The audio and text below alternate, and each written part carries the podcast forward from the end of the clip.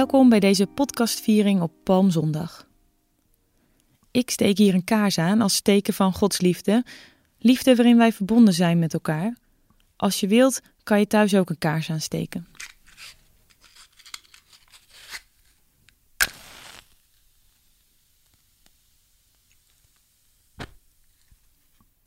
We zitten met elkaar al een flinke tijd thuis. De ernst van het coronavirus wordt wereldwijd steeds duidelijker. Wat het virus zal betekenen voor de allerarmsten in de wereld, kunnen we nu alleen nog maar gissen. Wat het voor onszelf betekent, is ook lang niet altijd duidelijk. Ik begin het in ieder geval flink zat te worden. De dagen gaan door elkaar lopen, ze lijken op elkaar. Welke dag is het vandaag? vraag ik elke keer aan mijn dochtertje. Voor het antwoord daarop moeten we allebei even goed nadenken. En ik hoor het ook van mensen om me heen. We hebben last van onrust, moedeloosheid, depressie. Laten we daarom maar beginnen met ons hart binnenste buiten te bidden met een Kyrie-gebed. Heer, ontferm u over onze zorgen, over het gemis aan contact met onze ouders, onze kinderen of kleinkinderen, of contact met mensen überhaupt. Ontferm u over onze irritaties en te korte lontjes, thuis of in de supermarkt of op straat. Ontferm u over ons ongeduld, over ons gebrek aan begrip voor de manier waarop anderen om ons heen deze tijd beleven. Omdat we misschien zelf ook niet weten hoe we op deze nieuwe situatie reageren. Heer, Ontferm u over ons als we niet weten hoe we verder moeten. Als we verdrinken in de zorgen om inkomen en onze toekomst. Heer, ontferm u over wie eenzaam zijn en alleen. wees ons nabij. En help ons om elkaar nabij te zijn. Ontferm u over wie met te veel zijn in een te klein huis. Ontferm u over de kinderen voor wie hun eigen thuis geen veilige plek is en er nu geen mogelijkheid is om te vluchten naar school of naar andere plekken. Heer, wees met hen die in deze dagen afscheid moesten nemen van een geliefde, maar die dat afscheid niet konden doen in het samen zijn met iedereen die bij dat afscheid had moeten zijn. God, ontferm u over de mensen in de ziekenhuizen en verzorgingshuizen, over de zieken, over de artsen en de verpleging. En sterk hun harten, zodat ze mens kunnen blijven te midden van procedures en te midden van het verlies en het verdriet dat iedere dag om hen heen is. God, we vragen u dit niet om er zelf vanaf te zijn. Wees dan met ons in die zwaarte van ons geloof, dat het onze handen en onze harten zijn die teken van uw liefde zullen zijn. Ontferm u dan over ieder van ons, op welke plek wij ook zijn in deze wereld. Of we nu zorgen of verzorgd worden, of we nu verantwoordelijkheid dragen voor velen of alleen voor onszelf. God, geef ons niet meer te dragen dan dat we kunnen. Kom ons tegemoet en sterk ons vertrouwen, onze hoop en onze liefde. Amen.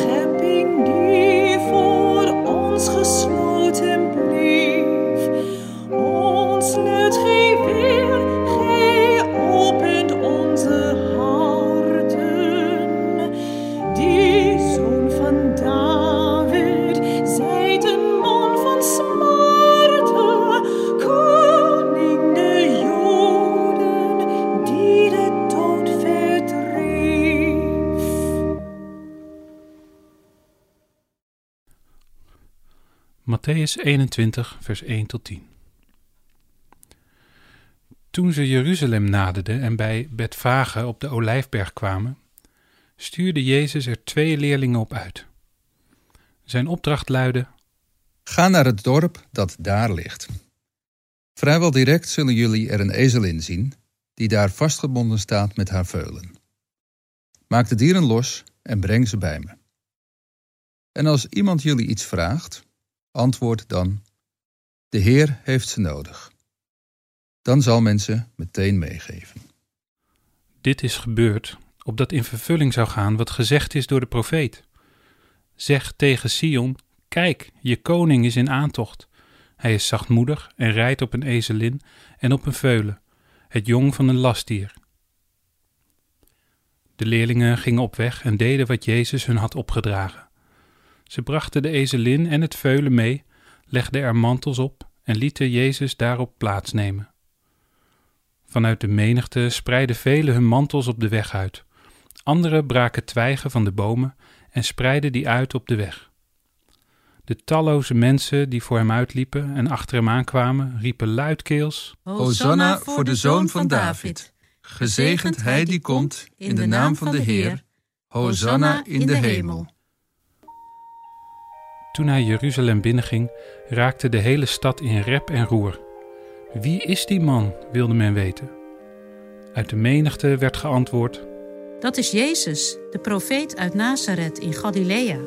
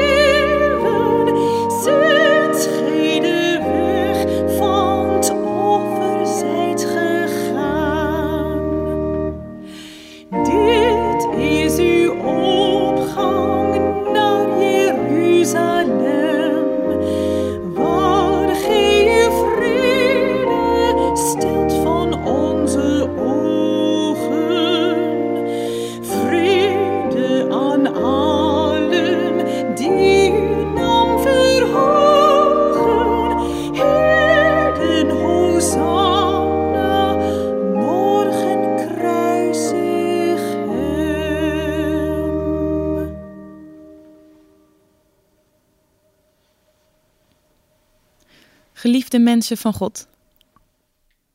Nu afgelopen week duidelijk is geworden dat we voorlopig nog wel even thuis zitten met z'n allen, dringt het langzamerhand steeds meer tot mij door. Dit jaar slaan we alles over. Geen Koningsdag, geen meivakantie, geen feest in de buurt, geen verjaardagsfeestjes, geen paasfeest en geen pinksterfeest. En je vraagt je af, de zomervakantie, zal die komen? Je merkt sterker dan anders hoe belangrijk die onderbrekingen voor ons zijn. Die feesten die de dagelijkse sleur doorbreken. Het feest dat kleur geeft aan ons leven. Een ritueel. De feesten in onze maatschappij leggen bloot waar we voor leven. De vakanties waarvan we ontspannen en dichter tot elkaar groeien, alles ligt stil. Ook vandaag merken we dat. Normaal gesproken zouden de kinderen met hun zelfgemaakte palmpaasstokken een rondje door de kerk lopen om vervolgens in optocht de mensen in de Janskliniek te verblijden met hun liedjes en stokken. Dat feest gaat niet door. Pijnlijk en verdrietig. Vooral voor de kinderen in de kerk en de mensen in de Janskliniek. Want eerlijk is eerlijk, als mensen zouden moeten kiezen of ze Koningsdag niet door zouden laten gaan of Palmpasen, dan weet ik wel welk feest er af zou vallen. Veel mensen weten niet precies wat voor een feest Palmpasen is. Palmpasen valt in de categorie van moeilijke feestjes, zeg maar net als hemelvaart. Want wat in hemelsnaam wordt er gevierd op die dagen? Mensen in de kerk kunnen vaak wel het Bijbelverhaal vertellen dat bij het feest hoort, maar de vraag naar waarom we dit verhaal elk jaar vieren is vrij moeilijk. Het heeft te maken met een dubbel gevoel. Zoals het bij hemelvaart vreemd is dat een afscheid gevierd wordt alsof het iets vrolijks is, zo is het gevoel bij Pampasen ook in de war. Want we vieren de intocht van Jezus in Jeruzalem. Jezus die vrolijk wordt binnengehaald in de stad, met palmtakken en mensen die hun jassen op de weg leggen, met Hosanna en titels als zoon van David. Maar tegelijkertijd weten wij dat deze intocht het begin is van het einde. Het is de opmaat tot de stille week waarin het lijden en sterven van Jezus centraal staan. Vreemd feestje toch, dat Palmpasen? Wat gebeurt er nou eigenlijk daar bij die intocht?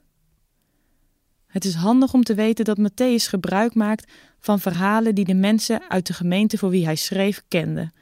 Hij gebruikte voorkennis van die mensen over het binnenhalen van helden in grote steden. Helden die de overwinning behaald hadden, werden op feestelijke wijze binnengehaald in een stad. Doen wij ook met onze sporthelden of als je een songfestival wint. In die tijd reden de helden die de stad hadden veroverd de stad in, trokken ze op naar de tempel en namen hun plek in als heerser. Twee eeuwen voor Christus werd er al met palmtakken gezwaaid naar dat soort helden in Jeruzalem. En rond het jaar 70 deed de Romeinse krijgsman Vespasianus ook zijn intrede in Jeruzalem. Je weet wel, Vespasianus, de opvolger van Nero. Nadat Vespasianus de opstand van het Joodse volk gebroken had, kreeg hij een feestelijke intocht in Jeruzalem. De mensen voor wie Matthäus zijn boek schreef, kenden die verhalen. Als je het verhaal van de intocht van Jezus met die van Vespasianus vergelijkt, wordt het interessant. Die Vespasianus had met veel geweld de stad veroverd. Hij ging Jeruzalem in op een strijdpaard, had krijgsgevangenen bij zich en tempelschatten, en dan heb ik het nog niet over de grote aantallen opstandelingen die hij buiten de stad had laten kruisigen. Jezus daarentegen rijdt op een ezeltje Jeruzalem binnen, met lege handen. In het Lucas-evangelie gaat hij zelfs huilend de stad in. Als je verder leest in Matthäus, lees je dat Jezus direct de tempel binnengaat. De mensen voor wie Matthäus schreef verwachten nu dat Jezus zijn plek in zou gaan nemen als heerser, als zoon van koning David. Dat was wat ze kenden uit die overwinningsverhalen. Maar dat gebeurt niet.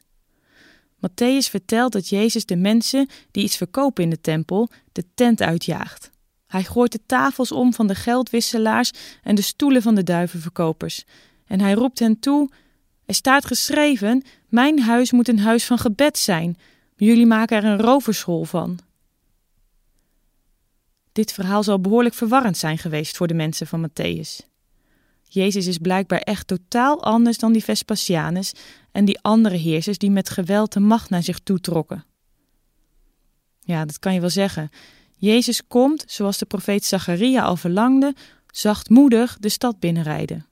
Niet op een strijdpaard, maar op een ezeltje. Hij wil dat de tempel een plek van gebed is en niet van commercie. Alles aan dit tafereel straalt uit dat Jezus niet de macht naar zich toe wil trekken. Het gaat hem om iets anders, om iets groters. Zachtmoedigheid, zegt Zacharia. Een woord dat we niet meer zoveel gebruiken. Ik zou het willen vertalen met liefde en geduld. Jezus is de liefde en het geduld in levende lijven. Hij leeft voor dat liefde en geduld de inzet zijn voor een waardevol leven. Dat deed Vespasianus niet, Jezus wel. En hij volhardt daarin, ook al wordt het zijn dood. Ik denk dat we nu heel dichtbij de reden zijn gekomen waarom Palmpasen een feest is. Het gaat niet om een feestelijk begin van het lijden van Jezus, natuurlijk niet. Maar het feest gaat om hoe Jezus volhardt in zijn liefde en geduld. hoe hij volhoudt in die weg die hij gaat. De weg zonder geweld en machtsvertoon. We weten dat het Jezus zijn leven kost, dat zijn verhaal over liefde en geduld weerstand oproept en meer dan dat.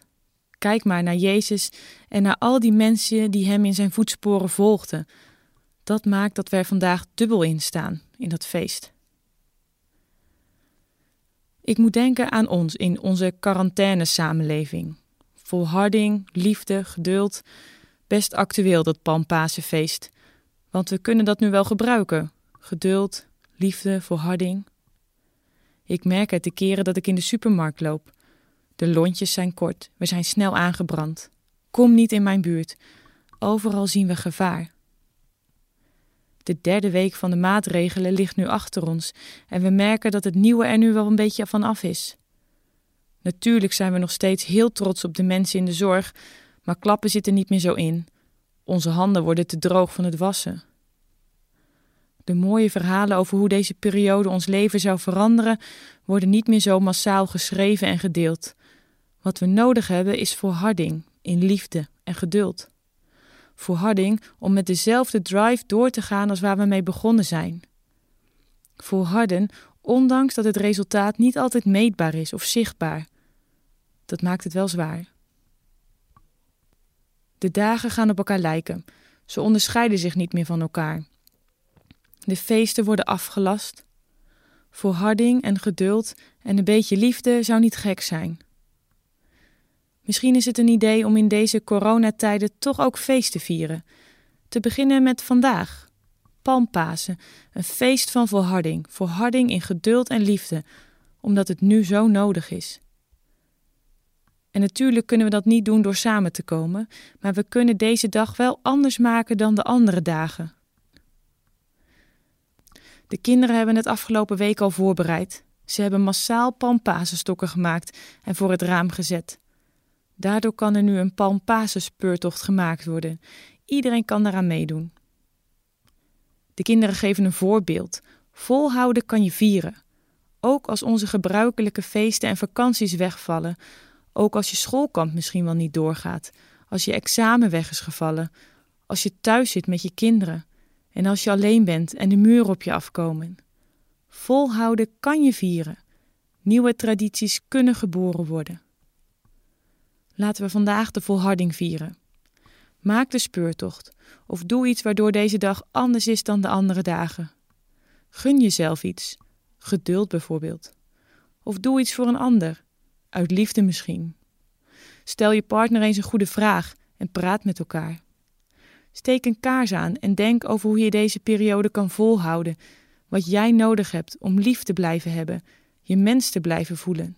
En doe daar iets mee. Vertel het een ander. Eet een taartje. Zet muziek op. Dans wellicht een beetje of ga uit je dak.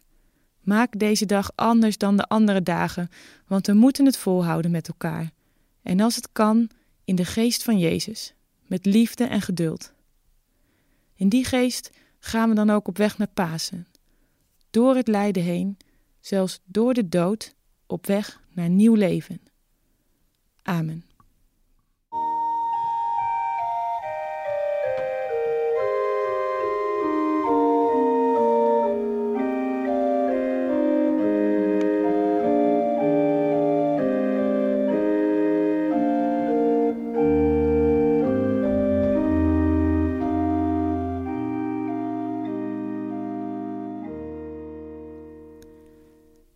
Wil je, nu we de stille week ingaan, de zegen meegeven. God gaat met je mee, altijd, want de Heer is voor je om je de juiste weg te wijzen. De Heer is achter je om je in de armen te sluiten en je te beschermen tegen gevaar. De Heer is onder je om je op te vangen wanneer je dreigt te vallen. De Heer is in je om je te troosten bij verdriet.